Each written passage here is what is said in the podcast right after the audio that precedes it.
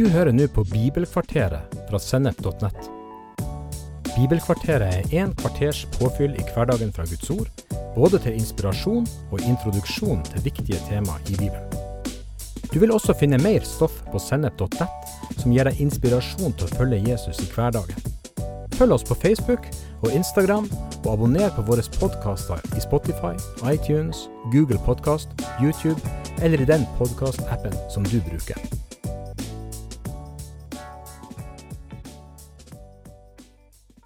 Kjenner du begrepet pick and choose? Et uttrykk som beskriver ei holdning der fokuset er på meg sjøl og på hva jeg vil ha. En frihet til å ta akkurat det jeg ønsker meg, og kun det.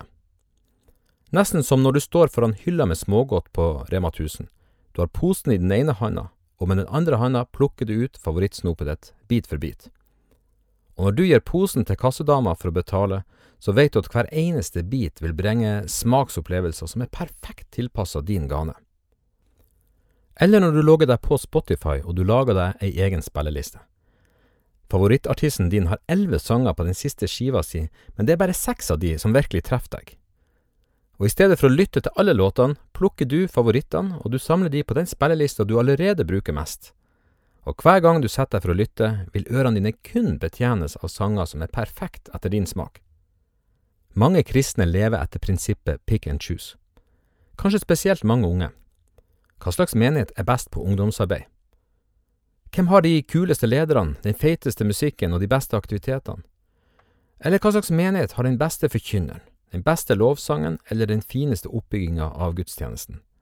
Meg og mine ønsker og behov kan lett bli styrende for hvor jeg befinner meg, og dersom jeg ikke er helt tilfreds et av stedene, kan jeg helt enkelt ta det beste fra hvert sted. Dette er en holdning Bibelen egentlig ikke gir oss anledning til. Bibelen lærer oss at vi er en familie, vi er et hus, eller som sagt, vi er en kropp. Og i en familie er man en enhet. En kjenner hverandre og lever sammen med hverandre i tykt og tynt. Vi er familie, både når vi spiser fiskepudding og når vi spiser lammelår. Det ville vært nokså spesielt om det dukka opp en type hjemme hos deg hver gang familien skulle spise taco. Men alle de andre dagene kunne du ikke se han, for da var han hjemme til middag hos noen andre familier, der de serverte det som passa hans smak. Pick and choose for oss kristne? Nei, Bibelen gir oss egentlig ikke anledning til det. Sønnen min er med på fotball. Da han var tolv år, innførte treneren en differensiering. De som ville være med på det mest krevende opplegget, måtte ha en oppmøteprosent på 80. Mange foreldre syntes dette var hårreisende. Noen mente at deres gutt ikke kunne være med på mer enn 50% på grunn av andre aktiviteter. Men likevel mente de at deres gutt skulle delta på kamper og turneringer på lik linje med de som deltok opp mot 100% av treningen. Men det de ikke forsto, var at treneren holdt på med bygging. Gjennom å kreve en høy oppmøteprosent ble guttene godt kjent med hverandre og treningsøvelsene. De lærte hvordan de andre tenkte, de kjente igjen deres bevegelsesmønster og hvor de pleide å sende ballen. I tillegg ble guttenes ferdigheter enda mer synlige, og de kunne settes til oppgaver på banen som var tilpassa deres styrker. Og så ble de selvsagt godt trent. Stor variasjon i øvelser og intensitet gjorde guttene godt rusta til tøffe utfordringer. Ekte menighetsliv handler jo ikke bare om samlingene i heimen eller en søndagsformiddag. Men la oss likevel leke med tanken. Ville du takla at menigheten innførte en forventa oppmøteprosent på 80? I så fall så kunne de andre med stor sikkerhet forvente at du ville dukke opp når menigheten var samla, og det ville ha skapt vekst i relasjoner og personlig utvikling. Eller har du kanskje så mange forskjellige aktiviteter at du tenker menighet mer som en av postene på programmet? Kanskje tenker du at menigheten er nesten som et søndagsmøte, et sted der du kan høre Guds ord de søndagene det passer inn i din timeplan. Eller kanskje du føler at de fleste møtene er kjedelige, og at du foretrekker å komme kun dersom du vet at noe spesielt interessant skal skje. I så fall har du enda ikke erfart at menighet først og fremst er fellesskapet av de troende sju dager i uka. Et fellesskap og en sammenføying i Den hellige ånd der Gud åpenbarer seg sjøl for verden. Det er stein på stein. Det er bygging i antall, men også i modning og utvikling. Menigheter bygges ved forkynnelsen av Guds ord og ved Den hellige ånds berøring men den bygges også ved personlig involvering, der både unge og gamle lytter til Den hellige ånd og er med på å forme uttrykket. Det skal være liv i hele menigheten, ikke bare blant lederne. Og så er det viktig at vi lærer oss å tjene sammen. Å tjene hverandre er undervurdert. Det er først når du har prøvd å gjøre noe praktisk sammen med noen andre, at du virkelig blir kjent. En dugnadstime i fellesskap med svette og strev er mer utviklende enn to timer med en kopp kaffe i sofaen. Når du tjener sammen med andre, både praktisk og ved åndens gaver, blir du kjent med deres styrker og deres svakheter. Og du finner ut hvor du har dine styrker, og du kan finne din plass på banen. Men vi må være tett på hverandre for at dette skal kunne skje. Og det skjer ikke ved ett treffpunkt én søndag hver tredje uke. Det skjer gjennom et naturlig fellesskap med forskjellige samlinger, både planlagte og mer uformelle. Menigheter møtes i større grupper der alle kommer sammen, i mindre grupper i heimene hos hverandre, i bønnefellesskap og i disippelfellesskap. Samlingene er ikke meint å være vedlikehold for å opprettholde et program. Samlingene er redskaper for at kroppsdelene kan finne hverandre, og at Gud skal få utruste oss i fellesskap gjennom sitt ord og sitt nærvær. Og her trenger hver enkelt person å være delaktig. I en familie er det foreldre og barn. Det store søsken og det små søsken. Det er tider med hardt arbeid, og det er tider med fest og glede. Det er samtaler, trening, utvikling, nærhet og kos. Det er lekser, matlaging, oppvask og husvask. Det funker ikke med pick and choose. De ungene som lever sånn, de blir bortskjemt og umoden. De er ute av stand til sjøl å ta ansvar. De blir selvfokusert og egoistisk, og de rømmer så snart det blir satt krav. Sånne barn vil ikke vokse opp og bli til velsignelse for samfunnet. I forbindelse med menighet kan man høre begrepet shoppere, folk som kommer og går. De stikker innom når det passer, spesielt hvis det er noe fristende på menyen men de her folkene er aldri i stand til å bygge. Første Peters brev kapittel to sier Kom til ham, den levende stein som ble vraket av mennesker, men er utvalgt og dyrebar for Gud, og bli selv levende steiner som bygges opp til et åndelig hus. Og Hebrevbrevet kapittel ti sier Og la oss ikke holde oss borte når menigheten vår samles, som noen har for vane, la oss heller oppmuntre hverandre. Det er meninga at du skal være en levende stein. Hver stein i et byggverk er viktig dersom bygget skal bli stående. Det er ikke meninga at det skal være hold i muren. Derfor sier hebreerbrevet at du ikke skal holde deg borte når menigheten er samla. Se for deg en murstein i en mur. For at muren skal være solid, må denne steinen hvile på to steiner som ligger på undersida i muren. Og på siden av steinen vil du finne to andre steiner, én på hver side. Og som ikke det er nok, må steinen finne seg i å ha to andre steiner oppå seg òg. Det betyr at steinen er omringet av seks andre steiner, altså er de totalt sju steiner som er i berøring med hverandre. Hvem er du i reell berøring av? Levende steiner som berører hverandre, vil kjenne friksjon.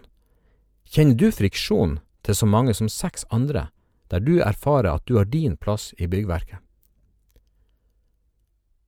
Husker du det som står om de første kristne på pinsedag?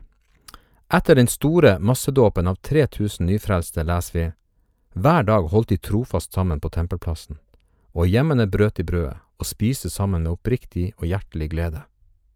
Menighet er pågående fellesskap, ikke bare en gudstjeneste i ny og ne.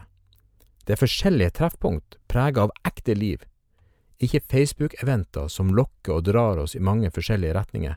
Vårt privilegium er bygging, ikke shopping. Og det er mange gode grunner til at det må være sånn. Klart at på denne måten blir vi bedre rusta til å være ei kraftfull og målretta menighet. Hvert lem blir styrka, og samhandlinga likeså. Men det er et annet aspekt som er minst like viktig, og det finner vi nydelig beskrevet i Salme 133. Der står det Se hvor godt og vakkert det er når brødre bor sammen, det er som den fine oljen på hodet når den renner ned i skjegget, Arons skjegg, nedover linningen på kjortelen. Det er som dugg fra Hermon når den faller på Sions fjell, for der gir Herren velsignelse, liv til evig tid. Bibelen beskriver et tett fellesskap mellom de troende. Dype, nære relasjoner der man deler ressurser, gleder og sorger. Relasjoner som er forutsigbare, i medgang og motgang Fellesskap der man er gitt til hverandre i gjensidig tillit. Har du erfart dette? Bibelen beskriver det som dugg fra Hermon, og det er jo ikke noe småtteri. Dette fellesskapet er noe helt annet enn en scene med store kommunikatorer og heftig musikk. Dette er ekte liv, velsignelse. Dette gir legedom i møte med sykdom, glede midt i sorga og kraft til den som er svak. Og dette er noe som gjør at vi i fellesskap også kan surfe bølgen når det er gode tider og fremgang. Men hva skal du gjøre dersom du aldri har opplevd denne typen fellesskap?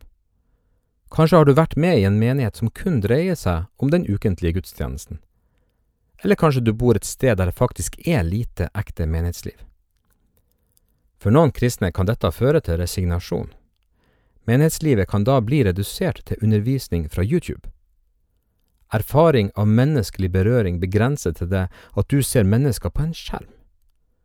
Du slår deg kanskje til ro med at du i hvert fall får ordet forkynt, og det er bra, men likevel er det langt fra nok. Du trenger faktisk en klem. Du trenger en samtale og øyekontakt. Du trenger fellesskap rundt et måltid, og du trenger brødsbrytelse og felles bønn. YouTube-kristendommen har dessuten en annen stor slagside. Den kan føre til at shoppinga når et enda høyere nivå.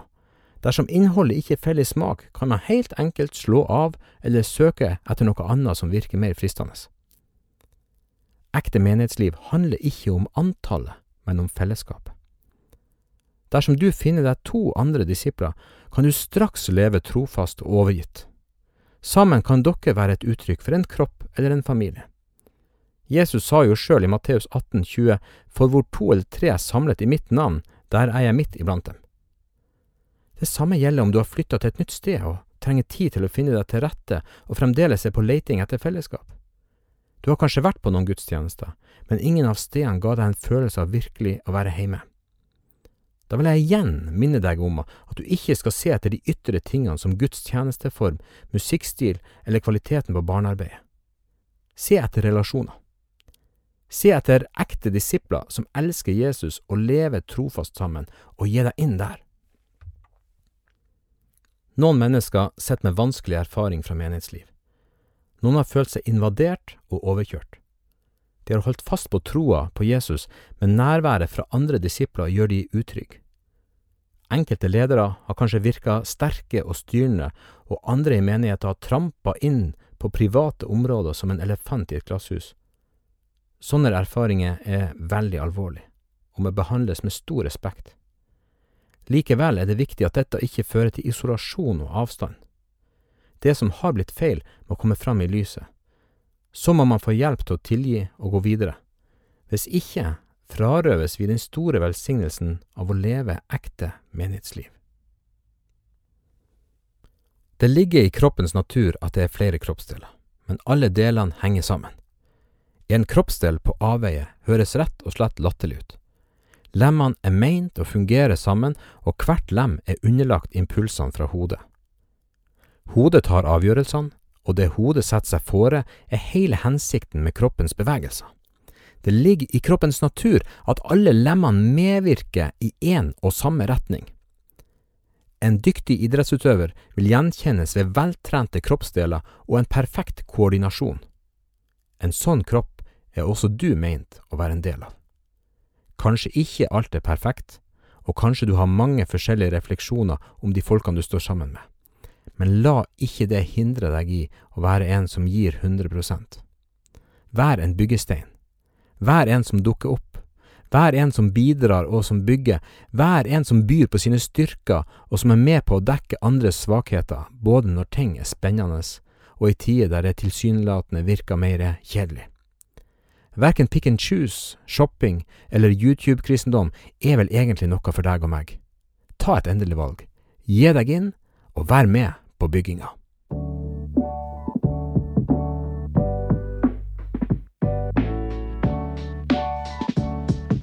Du har hørt en episode fra Bibelkvarteret på sennep.nett.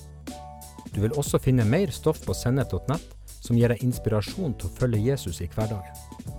Innholdet på Sennep er gratis og tilgjengelig for alle, takket være økonomisk støtte fra kristent nettverk, menigheter og enkeltpersoner.